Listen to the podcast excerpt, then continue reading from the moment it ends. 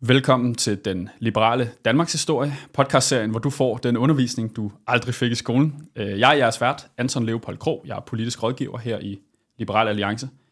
Øhm, I de forrige par afsnit, vi har optaget i den her podcastserie, der har vi fokuseret meget på den sådan nyere Danmarks historie, altså primært efterkrigstiden, øh, og kigget meget på velfærdsstatens tilblivelse. I dag så skal vi hoppe lidt længere tilbage i historien og kigge på, hvordan at Danmark blev et liberalt demokrati. Så vi skal tale om grundloven, øhm, og til det formål har jeg inviteret en historiker i øh, studiet. Det er netop dig, Christian Agander Skov. Velkommen til. Tusind tak for invitationen.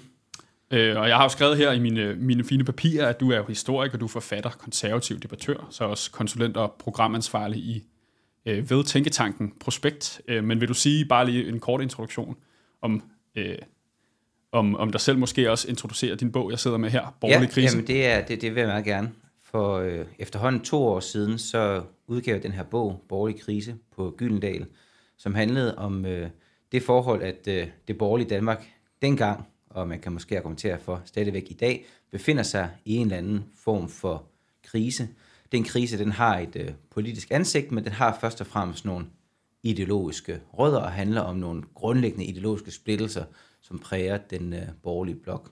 Og så var der også, fordi, som du nævner, så er jeg jo belastet med at være øh, historiker, så er der et historisk perspektiv i den øh, fortælling, fordi der går jo gennem vores nyere Danmarks historie, og når jeg siger nyere Danmarks historie, så tænker jeg jo også på, på 1800-tallet, det er igen sådan en ting, man har som historiker, så går der jo sådan en, øh, en sjov pardans mellem det konservative og det liberale, hvor det på en gang er meget tæt på hinanden, og på samtidig nogle gange ligger meget langt fra hinanden. Mm. Og øh, det kommer vi også øh, tilbage til, og både øh, dengang, at grundloven kom til, og de reviderede versioner af grundloven, både i, i 1866 og også i, i 1915. Og så træk, prøver vi også, hvis vi når det, at trække det op til, til nutiden og den debat, der er idédebat mellem de konservative og de liberale i dag. Men før vi kommer dertil, kunne jeg godt tænke mig at spørge sådan et lidt meget svært flyvende spørgsmål. Hvad skulle vi egentlig med en fri forfatning dengang? Det gik da egentlig meget godt. Vi havde fået ophævet stavnsbåndet, det kørte derud af. Bønderne begyndte også at få lidt flere rettigheder og så videre. Hvad skulle vi med den? Jeg tror, at det helt korte svar, det var, at netop fordi tingene gik godt, netop fordi, at der var kommet øh, selvbevidste bønder, og et selvbevidst borgerskab, så var det naturligt, at de grupper, de gerne vil have del i magten. De havde vundet en form for politisk bevidsthed og en myndighed, som gjorde, at man ikke længere var i stand til at acceptere, at man bare var kongens undersåt, men ville også være borger i et, øh, et samfund. Så, så det, var, det var egentlig grundtanken, øh, grundtanken ved det. Og så var der faktisk også noget andet. Det var, øh, da vi fik grundloven, så er der gået sådan lidt over, en del, lidt over 50 år siden den franske revolution, og der havde man set, hvad demokratiet kunne føre til, når det var utøjlet. Så en del af det, der egentlig var intentionen med grundloven, det var også at få demokratiet ind i en konstitutionel ramme, så det var til at have med at gøre. Der, og det er svært at sætte os, altså for os i dag at sætte os ind i, at demokratiet også var et faremoment, men det var det for de her folk i 1800-tallet. Og det var, det var en del af begrundelsen for grundloven. Ja, og, og det her med, vi kunne kalde det sådan forudsætningerne for at kunne have et øh, frit, liberalt demokrati, det er jo noget, som mange, øh, også mange af dem, der kæmpede for den første forfatning af vores junigrundlov 1849, også gik og tænkte over. Altså det er den øh, gruppe, vi kalder for de nationalliberale, måske mest øh, kendt i, i Orla Lehmann og D.G. Monrad, men der var også nogle andre. Øh, de, øh, de var jo på den ene side forkæmperne for øh, en fri forfatning, men havde samtidig nogle kvababelser over for, for folket, om vi nu var klar til at have øh, et demokrati i Danmark. Hvad, hvad består sådan de, ja, du skal kalde det farmoment? Ja, men, men helt, helt grundlæggende, så mente de nationalliberale, som jo egentlig er, en eller anden forstand er det jo det borgerlige Danmarks udgangspunkt, i en eller anden forstand, jeg skal nok komme ind på senere, hvor, hvor, hvor det kun er en eller anden forstand, så var de jo helt, altså virkelig investeret i det her med, at folket skulle styre. Men hvordan styrer folket? Jamen det gør folket ved at pege på dem blandt folkets smitte, der er bedst til at repræsentere folket, som har den fornødende dannelse og den rette ånd til at kunne sætte sig i spidsen for folket. Og hvem mente så de nationalliberale var de rette til at stå i spidsen for folket? Jamen det mente de nationalliberale, og det kan man godt forstå. Det mente de, at de nationalliberale var det nationalliberale borgerskab. Så når du ser på et, et begreb som folket i 1800-tallet, så dækker det både over alle øh, danskere i Danmark naturligvis. Det var en nationalstatstanke, der lå bag det. Men folket har jo også, og det har det også i dag, der ligger også noget klassemæssigt i det, hvor folket også nogle gange repræsenterer så at sige det lave. Og de nationalliberales idé, det var, at man kunne gennem dannelse, jamen så kunne man hæve folket, og for at folket kunne være myndigt, så skulle det have den her dannelse i sig. Det er den samme tanke, man støder på, sådan en skikkelse som, som Grundtvig, altså den store danske præst og teolog og salmedigter og, og ja, digter i det hele taget, øhm, som ikke var nationalliberal, men som havde de samme tanker. Folket skulle styre, men forudsætningen for, at folket kunne styre, det var dannelse. Oplysning, vil Grundtvig kalde det. Ja, fordi Grundtvigs projekt var et oplysningsprojekt. Ja. Og var formålet der simpelthen en demokratisk dannelse?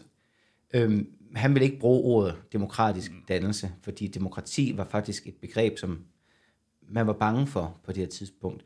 Øh, I 1800-tallet var et demokrati et begreb, som blev brugt om yderligt gående demokrater. Øh, Grundtvig var endda, når vi taler om den her brede borgerlige position, så tilhører Grundtvig måske ovenikøbet den del af den borgerlige position, som var mere snarere end mindre skeptisk i forhold til, at folket skulle styre. Så han fokuserede virkelig på dannelsesprojektet.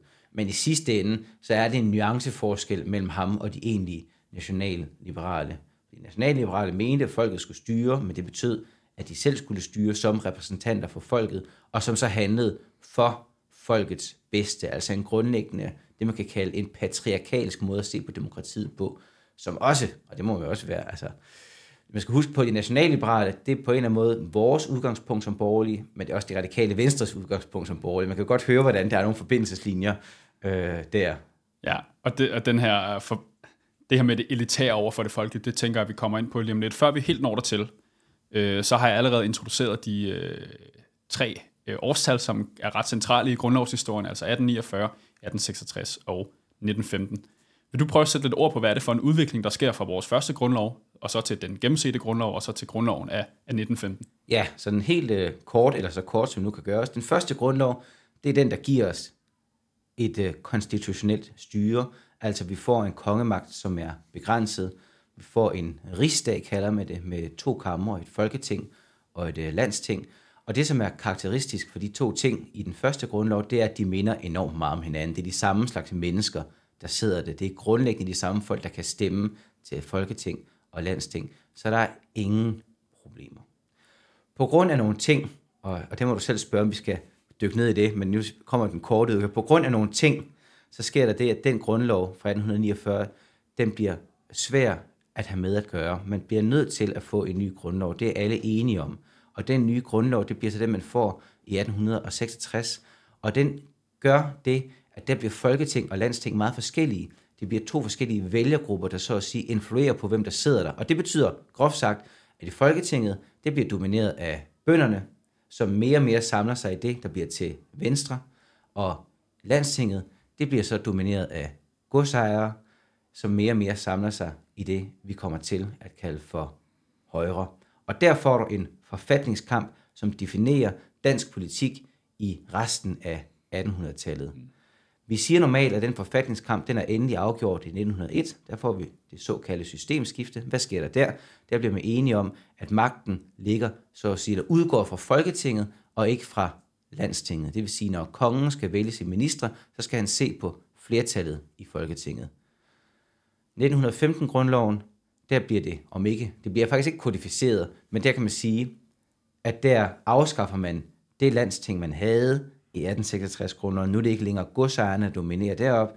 Det er grundlæggende set de samme slags vælgere igen, der vælger de folk, der sidder i landstinget, som dem, der sidder i Folketinget. Det er umuligt at komme ind på de her ting, ja. uden det bliver sådan en lille smule teknisk. Men man kan sige, det korte lange, det var, at 1866-grundloven, den etablerede landstinget som en konservativ garanti. 1915 grundloven. Og når du siger konservativ her, så tænker som, du også godsejerne. Så tænker jeg ikke som sådan politisk, så tænker jeg, du ved mere som en samfundsbevarende garanti, så ja. det ikke gik helt, øh, løb helt over gevind med alt det her med demokrati og bønder, og jeg skal komme efter, der skal jeg. Og den etablerede man der, og i 1915, der fik man så ikke helt, men så nogenlunde afmonteret det som en konservativ garanti. Der var nogle ting, der gjorde, at det faktisk fortsatte indtil 1936 med at være et andet flertal af landstinget, end der var i Folketinget. Så landstinget var fortsat domineret af konservativ og af venstre, og det var det helt indtil 1936, mens Folketinget, der skete der det ulykkelige, at det mere og mere blev domineret af Socialdemokratiet. Ja.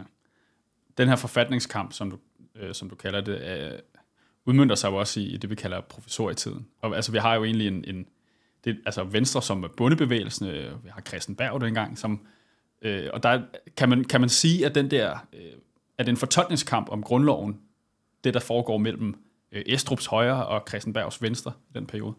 I en vis øh, forstand er det. Der er en juridisk fortolkningskamp, og den handler om grundlæggende set øh, to ting.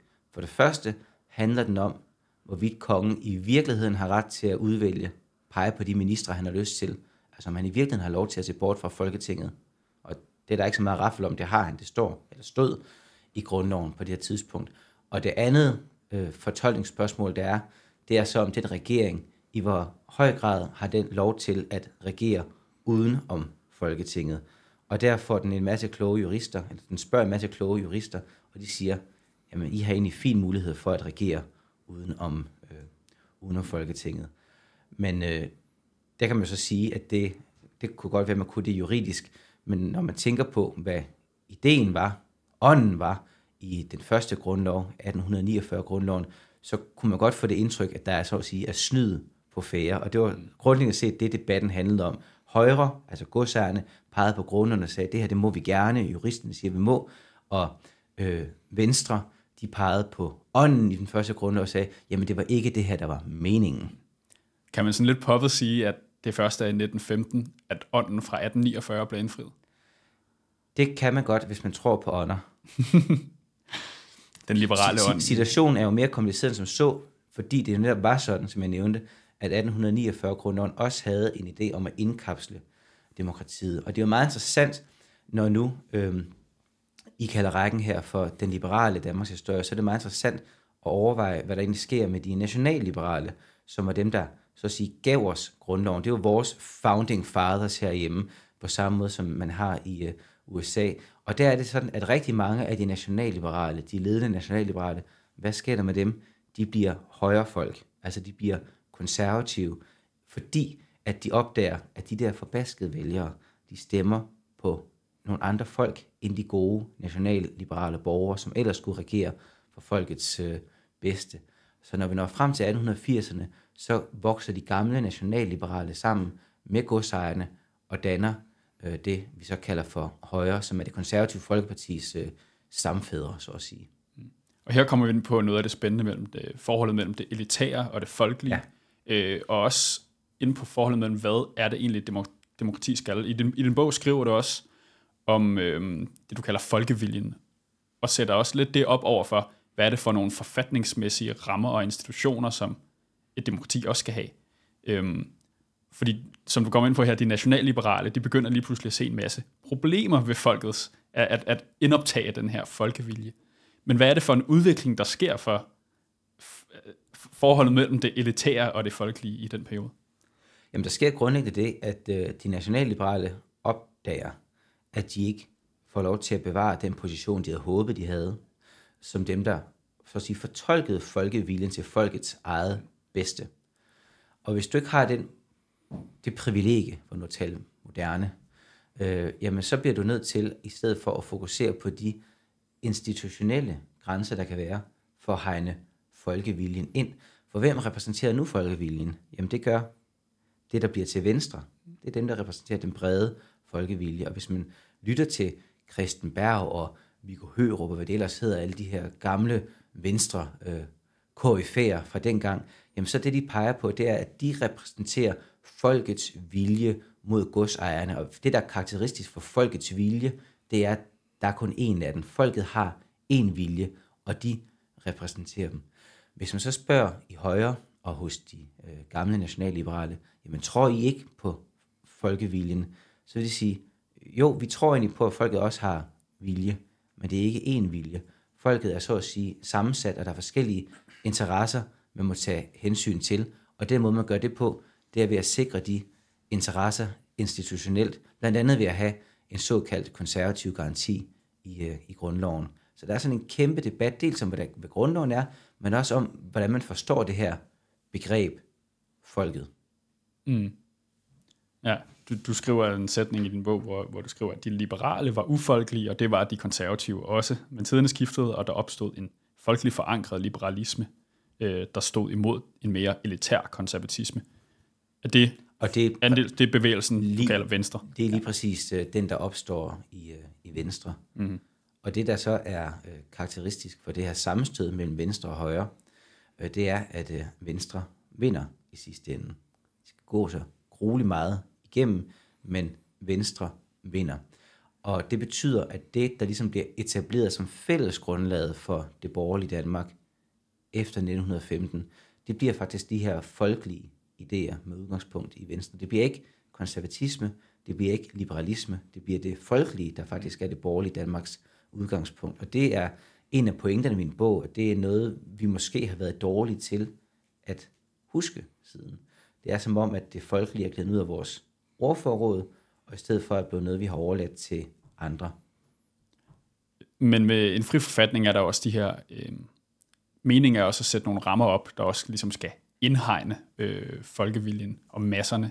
Fordi hvis man, hvis man spurgte de nationalliberale og de gamle højrefolk, så vil de jo nok sige noget i stil med, at, at øh, man skal sikre en samfundsmæssig orden, og det er vigtigt, at vi øh, indrammer magten, og det kan vi gøre gennem en forfatning, og kun gennem en forfatning. Øhm, når du siger, at det borgerlige udgangspunkt også bliver folkeligt, øhm, ja, jeg ved ikke engang, hvad spørgsmålet er, men spørgsmålet er vel noget, noget i stil med, rykker de sig i løbet af tiden? Altså, der er jo en, en modstand mod øh, folkets vilje, mm. men alligevel også en, et ønske om at, at få et, et, et reelt demokrati, og ikke bare en forfatning, hvor man gennem, som du siger, spørger kloge jurister til råds, øh, og, og ligesom får lov til at regere. Jo, øh, de ændrer sig øh, undervejs, og selvfølgelig øh, Venstre er dem, der etablerer den her nye måde at øh, tænke på, og Højre, eller de konservative, de ændrer sig så noget senere, øh, blandt andet i forbindelse med, at man laver det konservative Folkeparti i 1916, som en direkte reaktion på grundloven i 1915. Men faktisk skal man helt op i, i 30'erne, før man helt opgiver den her tanke om, at det er meget, meget fornuftigt med en konservativ garanti i grundloven. Der er en konservativ partiformand, der hedder John Christmas Møller, som øh, simpelthen har som en af sine inderste ønsker og drivkræfter, at man dybest set afskaffer landstinget, fordi han mener, at de konservative eller det borgerlige Danmark som sådan, de taber deres politiske kampe, fordi i stedet for at vinde folkets gunst, så interesserer de sig alt for meget for at bevare såkaldte konservative garantier mod udvikling. Så i stedet for at bestemme udvikling, så forsøger man at dem op for udvikling. Det er det her evige dilemma mellem, øh, mellem læhegn og vindmøller, øh, hvis man skal udtrykke det med en moderne floskel. Okay, jeg kunne godt tænke mig at skifte øh, spor en lille smule. Nu har vi talt meget om forudsætningerne for at kunne leve i demokrati, altså et, et, et dannet folk, der er klar til at tage det ansvar på sig at leve i demokrati. Men det kommer måske også til at lyde lidt som om, at det var bare noget, der skete før 1849, og der var vi i gang med en dannelsesproces, og lige pludselig er øh, alle de elitære folk i højre, de er blevet så frygtsomme over for borgerne og for folket. Men fortsætter den dannelsesproces ikke? Jo, den fortsætter i den grad, og man kan sige, at den, øh, den tager fart, fordi at det, som er kendetegnende for den der dannelsesproces, som de nationalliberale borgerskab havde, det var, at de var en meget, meget lille gruppe af øh, intellektuelle og embedsmænd og embedsmænds sønner i København. Der har ikke været særlig meget af dem. Øhm, når man ser på nogle af de der øens lærer stigte, der solgte 200-300 eksemplarer, det er en meget, meget lille gruppe, vi, vi taler om her. Men når vi så kommer op på den anden side af 1849, og når, når vi faktisk kommer op på den anden side af det store danske nederlag i 1864 til, til tyskerne, øh, der sker der det, at der vokser op rundt omkring i Danmark en bredt folkeligt forankret dannelses- eller oplysningsbevægelse, som er det, øh, vi normalt kalder højskolebevægelsen. Altså den kommer der. Og der er den grundlæggende tanke, at den danske almue, de almindelige mennesker i Danmark, og det er først og fremmest bunden, jamen han skal dannes til at være menneske og borger, og en del af det danske folk, altså det liberale og det nationale og det dannelsesmæssige, hører den forbindelse tæt sammen. Og, og den virkelig tager fart efter øh, nederlaget i 1864, og der vokser højskoler op over det hele, og du ser de her øh, organisering ude på landet med andelsbevægelser, og samtidig med alt det her sker, jamen så er der stadigvæk den der dannelse, øh, som foregår inde på øh, gymnasier, universiteter osv. Altså det klassiske dannelsesborgerskab spiller stadigvæk en stor rolle i øh, København, Aarhus og de store, øh, de store byer. Men det, det, det særlige for Danmark, det er altså, at vi har fået den der bredt forankrede dannelsesproces, øh, som gør, at bunden, som man siger, bunden han træder op som en, en, en myndig borger, der udøver sin, øh, sin borgerret i øh, respekt for traditionen og i ansvaret over for det danske folkestyre. Mm. Og det særlige er vel også, at det kommer nedfra. Det er jo en, det kommer, en, det kommer, civile bevægelse. Det kommer nedefra, ja. det kommer fra øh, lokalsamfundene, og faktisk i høj grad som et, øh, et oprør eller et opgør med det, der kommer centralt øh, fra, og, og det monopol, som det gamle dannelses øh, borgerskab øh, havde. Og det ligger der jo noget demokratisk i, en helt anden forstand og dybere forstand, end bare det der med at gå ned og stemme hver, hver fjerde år. Det er måske også en helt central metapointe i, i hele den her podcast, måske hele den her podcast-serie, er, at tingene de vokser nedefra på initiativ fra borgerne. Øhm, og nu nævnte du, øh, vi indledte den her podcast også med tiden før 1849, hvor der også var den her bevægelse i gang, hvor folket begynder kunne læse. Altså de, de kan begynde at danne sig selv, fordi de, de simpelthen er blevet, øh, de ikke er øh, illiterater længere. Øhm, og nu springer vi så fra den, den helt tidlige tid, og så frem til et mere nutidigt perspektiv. Øh, for jeg kunne godt tænke mig at vende tilbage til det her med forholdet mellem det konservative og det liberale. For som vi kom, har kommet ind på i løbet af samtalen, så skete der jo en, en konvergens mellem de to, ja. og man begyndte at forene øh, både det folkelige element, det konservative element og det liberale element i borgerligheden, som er den definition, du, du formulerer her i bogen. Øhm, men hvis man har fulgt med i sådan den, de seneste års øh, borgerlige idédebat, så kunne man næsten få det indtryk, at, øh, at der er mere kritik internt, øh, end der er altså en borgerlig infighting, end der ligesom er kritik af den anden side. Jeg ser lidt din bog som et forsøg på at forene de her tre elementer, det folkelige, det liberale og det konservative. Hvad siger du til den debat, der er lige nu mellem de konservative og de liberale? Jamen det er helt rigtigt, at hvis vi, hvis vi ser på den, øh, den, øh, øh, den borgerlige idédebat øh, over rigtig mange år, og sådan mit, øh, mit indtryk er, at det er især øh, efter 2001, øh, de her ting tager, tager fart, jamen så har der været en meget, meget stærk tendens til, at man har defineret sig selv imod øh, hinanden. Altså der har været fra konservativ side har det været en meget stærkt ønske om at øh, definere en konservatisme, som så at sige kan stå på egne ben, en genuin konservatisme, og det vil sige en øh, antiliberal nationalkonservatisme i sit allerklareste udtryk. Og samtidig så er der også masser af øh, liberale, som har forsøgt at definere liberalismen som noget, der ikke rummer noget konservativt, hvor det liberale bare er det der med at åbne sig for fremtiden, og så lade det hele vælge ind over sig. Og det er klart, at de her to positioner har faktisk meget, meget lidt med hinanden at, øh, at gøre. Og det er så det, som jeg har forsøgt at øh, gøre opmærksom på i øh, min bog, det er, at det borgerlige Danmarks udgangspunkt er egentlig, at der var en konvergens mellem de liberale og det konservative. Og den konvergens, synes jeg helt personligt, er meningsfuldt i den forstand, at øh, det, man godt kan lide som liberal, jamen det er vores frie samfund, og det, man godt kan lide som konservativ, jamen det er vores frie samfund, som man så anerkender, har nogle rødder i noget, der gik forud for øh, os selv. Og øh, hvis bare man kan, så at sige, kan få begge lejre til at indse, at der, vi så står på et fælles grundlag her, så tror jeg, at man har et sundere udgangspunkt for, øh, for den debat og de skænderier, som nødvendigvis også bliver nødt til at være der, som også kan være sunde og udviklende. Heldigvis er det sådan, at jeg kan jo se, at der så siden jeg skrev den her bog, så er der kommet flere andre initiativer og bøger osv. Altså Martin Aarup har fornyet lavet en bog, Anders Krab øh, fra Berlin skal på vej med en bog, og det som kendetegner alle de her øh, forsøg, som kommer lige nu, jamen det er netop forsøget på at tænke det liberale og det konservative sammen, i hvert fald anerkende, at der er et fælles grundlag for de her positioner. Der er en grund til, at vi i godt og vel 100 år har talt om det borgerlige Danmark, og i, i godt og vel øh, 70 år har defineret det konservative liberale som noget, som også dannede en tæt politisk blok. Det er ikke bare sådan historiske tilfældigheder, der var en årsag til det.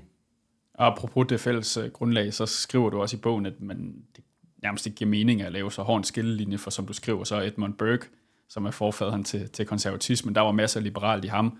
Omvendt i John Locke, en af liberalismens forfædre, der var masser af konservativt i ham. Så i virkeligheden har mange af de her centrale nøglepersoner i den konservative og liberale historie haft masser af enighed. Og det er så det, vi i Danmark kalder borgerlighed. Ja, ja. Øh, helt præcis. Og, og, og Grundtvig er et andet eksempel på det. Altså, hvor hører han til? Jamen, selvfølgelig er han ikke konservativ i 1800-tals forstand, men hvis han dukkede op og gik ind i vores podcaststudie her i dag, så vil man heller ikke opfatte ham som det mest oplagte medlem af øh, Liberal Alliance måske. Altså, de, de der personer, som vi funderer øh, vores tænkning på, de ligger et eller andet sted i det der interessante spændingsfelt, som er mellem det konservative og det liberale. Men ser du så, nu nævner du nogle, nogle nyere bøger, ser du så, at øh, en fremtid, hvor at vi bliver bedre til at forene det her, for du nævner også et par eksempler på det modsatte. Du nævner blandt andet, øh, lad os kalde ham socialkonservativ forfatter øh, og historiker Michael Bøs har skrevet den her bog om liberalismens øh, forfald. Øhm, hvor og du siger, at han læser egentlig liberalismen subversivt, og man kunne også sikkert finde en masse eksempler på liberale, der læser konservatismen subversivt, men ser du, at vi er blevet bedre til at, at lade være med at tænke i de baner? Øh, der er i hvert fald helt klart en, øh, et engagement i at gøre det øh, lige nu, og som har at gøre, tror jeg, med den situation, det borgerlige Danmark står i lige nu, hvor man ikke sidder ved magten, men uden for magten, så at sige. Og det er også en af de ting, jeg synes kendetegner øh, de bøger, jeg har nævnt her, og min egen bog, det er, at der bliver tegnet en ny ideologisk modstander, som er teknokratiet. Og teknokratiet, jamen det er jo det, der har slået kløerne i øh, Venstre, øh, slået kløerne i Moderaterne, og som for så vidt også spiller en kæmpe rolle i en stor del af den socialdemokratiske tradition og position, fordi at Socialdemokratiet i Danmark er jo, har jo institutionaliseret sig som en, øh, altså en velfærdsstat. Socialdemokratiet er i høj grad blevet den danske stat, og hvis du forstår, at modsætningen, der definerer dansk politik, måske ikke er mellem liberal og konservativ, vi faktisk skal tilbage til 1800-tallet, for det var udgangspunktet, men i stedet for er en modsætning mellem øh, i hvert fald på vores side af hegnet mellem det borgerlige og så det teknokratiske, jamen så er det klart, så er det nogle andre øh, skillelinjer, vi, øh, vi tænker ud fra. Lad os øh, lade det være konklusionen på, øh, på dagens øh, podcast episode, og hvis du er interesseret i noget af det, som øh, mere af det, som Christian fortæller om, så kan du læse hans bog, Borgerlig øh, Krise. Øhm, du nævner også Martin Aarups bog. Han var jo vores forrige gæst i, øh, i den liberale Danmarks historie, så du kan også gå ind og høre det afsnit, hvis du ikke allerede har gjort det. Øhm, jeg vil sige tak for den gang, og mange tak, fordi at du vil komme her i vores podcaststudie på Christiansborg. Selv tak.